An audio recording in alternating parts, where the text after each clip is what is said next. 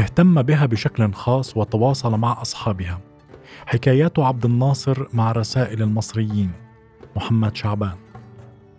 اهتم الرئيس المصري الراحل جمال عبد الناصر برسائل البريد التي كانت تصل لرئاسة الجمهورية ولم يكن يمر يوم دون متابعتها إذ كان يعتبرها مرآة للمجتمع بعيدا عن التقارير الرسمية. يذكر أستاذ التاريخ الحديث والمعاصر الدكتور جمال شقرة في حديثه لرصيف 22 أن فكرة وصول الرسائل إلى رأس السلطة في مصر هي عادة تمتد إلى التاريخ الفرعوني القديم واستمرت في العصور الإسلامية خاصة العصرين الأيوبي والمملوكي. ثم التاريخ الحديث بدءا من أسرة محمد علي شارحا أن هناك رسائل موجودة في أرشيفي الملك فؤاد والملك فاروق تتضمن شكاوى أو اختراعات أو حتى اقتراحات وتوصيات. ومع قيام ثورة يوليو عام 1952 لم يتخلص الشعب المصري من عاداته وزادت الرسائل التي أرسلت لعبد الناصر فخلال خمسة أشهر من كانون الأول ديسمبر عام 1963 حتى نيسان أبريل عام 1964 تلقى عبد الناصر 88304 رسائل. وهو رقم كبير جدا بحسب شقرة الذي أعد دراسة عن الموضوع عنونها بشكاوي الجماهير ورسائل البريد الأسود إلى جمال عبد الناصر. يروي مدير مكتب عبد الناصر محمود الجيار أنه أنشأ بأوامر من الرئيس الراحل جهازا بشريا وظيفيا كافيا لقراءة كل سطر في هذا البريد قراءة متأنية. وتصنيف خطابات الناس وتحليلها وتوجيهها إلى الجهات المختصة ومتابعتها بمنهجية منظمة. وذكر الجيار في مذكراته التي دونها ضياء بيبرس في كتاب حمل عنوان الأسرار الشخصية لجمال عبد الناصر أن تعليمات الرئيس الراحل كانت تقضي بأن يعرض عليه يوميا ملخص لأي خطاب مهم وعاجل أو يحوي أفكارا لامعة أو خبرا خطيرا.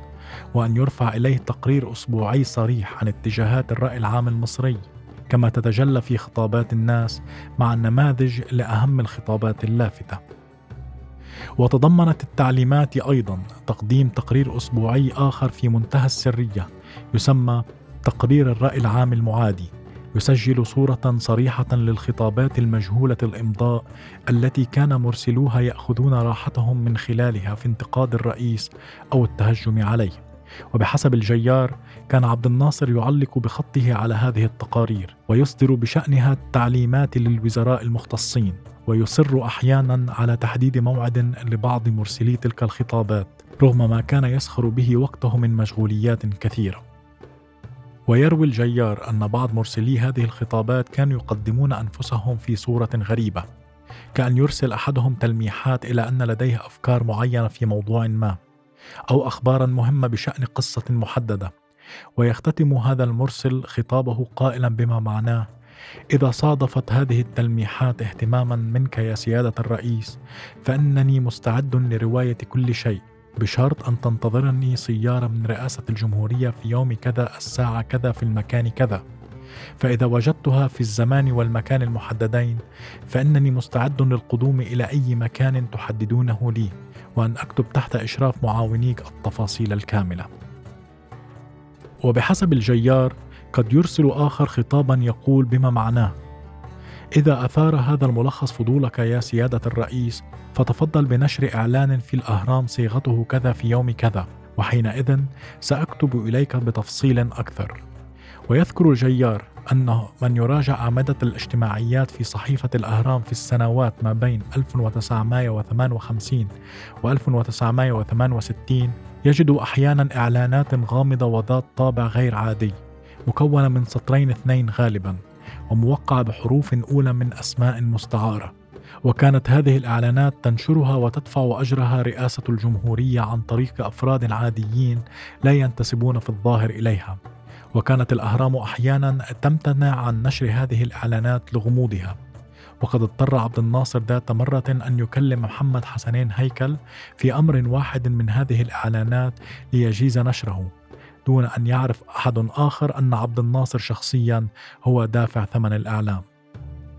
وفي سياق هذه الخطابات يذكر مدير مكتب الرئيس الراحل حادثتين قال عنهما إن العقل العادي قد لا يصدقهما.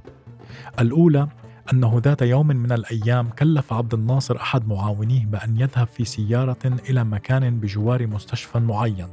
حدده مرسل أحد الخطابات التي أثارت اهتمام الرئيس بشدة. يقول الجيار: حددنا رقم لوحة السيارة في إعلان غامض نشر في جريدة الأهرام. مع بيان الساعة بالضبط التي ستنتظر فيها السيارة. وفي آخر لحظة وبينما كنت أستأذن الرئيس في الذهاب إلى هذا المواطن المجهول وجدته يقول لي اسمع خذني معك. بالفعل ركب الرئيس السيارة معي وخرجنا من بيته بلا حرس بل من دون أن نبين في الدفتر الخاص وجهة الرئيس. وركب عبد الناصر في الكرسي الخلفي وأسدل الستائر وذهبت إلى المكان المحدد. وامتدت يد تفتح مقبض باب السيارة وركب المواطن إلى جانبي وهو مبهور لأن رئاسة الجمهورية اهتمت بأفكاره إلى حد اتباع هذا الأسلوب الغريب. وعندما رأى عبد الناصر شخصيا في المقعد الخلفي تابته درجة السعادة والفزع مجتمعين حسب رواية الجيار. الواقعة الثانية كانت أغرب بكثير. فقد بدا من الرسالة أن كاتبها الذي لم يشأ ذكر اسمه مستوعب تماما للموضوع الذي يكتب فيه. حيث عرض الكاتب رايا مهما في مسألة كانت تشغل الأذهان. وكان هذا الرأي مخالفا تماما لوجهة نظر عبد الناصر ومدعما بأسانيد ومعلومات قوية ومركزة. الأمر الذي أثار اهتمام الرئيس واحترامه معا بحسب الجيار. واختتم الكاتب المجهول رسالته بأن لديه تفصيلات أوفى وأنه مستعد لأن يوافي بها الرئيس إذا لم يكن في هذا ضياع لوقته. وأنه على كل حال لا يطلب مقابلته إنما فقط يطلب اشعارا بأنه مهتم بمتابعة كل جوانب الموضوع. فإذا كان الأمر كذلك فإنه يرجو أن تنشر رئاسة الجمهورية اعلانا في الأهرام نصه إلى ولدنا أحمد اكتب لوالدك وسيهتم بطلباتك. جميل. وما كان من عبد الناصر إلا أن طلب من مدير مكتبه أن ينشر الصيغه التالية على حسابه في الأهرام. إلى ولدنا أحمد. لماذا لا تحاول أن ترى والدك شخصيا بدلا من أن تكتب إليه؟ هو سيهتم بطلباتك. جميل. وفي مساء اليوم نفسه الذي نشر فيه هذا الإعلان الغامض الغريب وصلت إلى رئاسة الجمهورية برقية باسم عبد الناصر يقول فيها مرسلها ولدكم أحمد يا سيادة الرئيس ينتظر تحديد موعد لمقابلتكم. وكانت البرقية من توقيع دكتور فلان. وكان اسمه معروفا في الحقل الذي تخصص فيه. تحفظ الجيار على ذكر اسمه. وقابله الرئيس فعلا وناقشه في اعتراضاته على سياسة وزير المالية آنذاك عبد المنعم القيسوني 1962 و 1964 وطلب منه أن يواجهه بذلك ثم طلب منه أن يكتب له عدة تقارير مفصلة حول وجهة نظره. وبعدها اختاره الرئيس وزيرا. وكانت تلك من أغرب الطرق التي تم بها اختيار وزير ما حسب ما ذكر جيار. من بين الرسائل التي كانت ترد للرئيس الراحل نوع عرف داخل أرشيف رئاسة الجمهورية بالبريد الأسود لأنها كتبت بأسلوب غير لائق وكانت تحمل سبابا لعبد الناصر والثورة وبعضها حمل نوعا من الحقد والضغينة عليه. بمتابعة هذه الشكاوى وجد أنها تنتمي إلى عناصر من الثورة المضادة. سواء الوفديين القدامى أو الشيوعيين الذين اختلفوا مع الثورة أو جماعة الإخوان المسلمين أو الرأسماليين الكبار الذين أممت مصالحهم حسب ما يذكر شقرة. غير أن بعضا من هذه الرسائل تضمنت آراء موضوعية عن مشاكل اقتصادية وسياسية واجتماعية ومنها رسالة انتقدت سلوك المشير عبد الحكيم عامر وإدارته للقوات المسلحة. وفي الدراسة التي أعدها شقرة من واقع أرشيف رئاسة الجمهورية لاحظ قيام عبد الناصر بوضع الخطوط وعلامات الاستفهام والتعجب وبعض التعليقات أحيانا على أهم ما جاء في هذه الرسائل والأمثلة على ذلك كثيرة. فمثلا وضع خطوطا تحت فقرات وردت في رسالة المواطن زين عين ميم خاصة التي وصفت شقيقه الليثي عبد الناصر بأنه يعيش كهارون الرشيد. وكذا تحت العبارة التي دفعته لزيارة شقيقه في الإسكندرية حتى يتثبت من غناه. ووضع عبد الناصر علامة على ما جاء في الرسالة نفسها من اتهام أولاده بأنهم يعيشون أفضل من أولاد الملك فاروق. ولفتت نظره عبارة التهديد بالثورة الشعبية. فوضع تحتها خطا أيضا. وآخر تحت العبارة التي اتهمت أقارب المشير عبد الحكيم عامر باستغلال النفوذ. وكذا لفتت نظره العبارة التي وردت في رسالة المواطن فاء كاف شين حول حرب اليمن التي دخلتها مصر وليس لها فيها ناقة ولا جمل وفقا لما كتب صاحبها.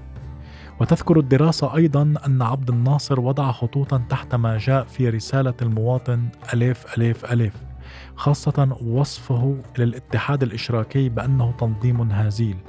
وكذا علامات التعجب والاستفهام حول العبارة التي وردت في إحدى الرسائل التي تترحم على عهد الملك فاروق. وترفض فكرة تذويب الفوارق بين الطبقات. وأيضا خطوطا وعلامات تعجب حول اتهامه بتدبير المؤامرات للإخوان المسلمين ووصفهم بالأبرياء. ولفتت انتباهه رسالة المواطن ميم سين شين التي تناولت سلوكيات الطبقة الجديدة. حيث وضع خطوطا كثيرة تحت العناصر التي تشكلت منها هذه الطبقة حسب ما جاء في تصور صاحبها. غير أن ما استفزه كان تلك الجملة التي وردت في إحدى الرسائل بأن الشعب المصري يعيش في ظل حكم الفرد وأنه حكمه أسود أيامه فوضع تحتها خطوطا ثقيلة جدا. والشيء نفسه ينسحب على الرسائل المجهولة الهوية التي تناولت المشاكل التموينية والأزمات الداخلية. لم يكتف عبد الناصر بالخطوط وعلامات التعجب والاستفهام التي وضعها على رسائل البريد الأسود بل عوملت نفس معاملة بريد الشكاوى فخضعت للدراسة والتحري والمتابعة. وكان بعض تلك الرسائل وراء إبعاد عضو مجلس قيادة الثورة صلاح سالم في فترة مبكرة. حيث حمل سكرتير عبد الناصر وقتئذ أمين شاكر عدة رسائل تهاجم صلاح سالم وسياسته في السودان عندما أوفد إليها لتحقيق المصالحة بين الشماليين والجنوبيين.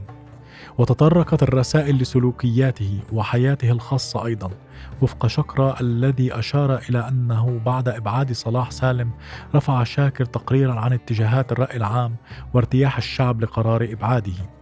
كما تسببت رسائل البريد الأسود في اعتقال عبد الناصر لشقيقه الليثي حيث قام بزيارته في الإسكندرية ليقف بنفسه على ثرائه كما جاء في الرسالة السابقة. ووفقا لشهادة السكرتير الرئيس للمعلومات سامي شرف فإن عبد الناصر ذكر أنه لا يمانع في ثراء أحد من أسرته بشرط ألا يستغل اسمه وأن يتواءم نمو دخله مع النمو الاقتصادي لمصر كلها. وهدد باعتقاله ثم اعتقله بالفعل عندما اكتشف أنه يعيش في مستوى أعلى نسبيا مما يسمح به راتبه.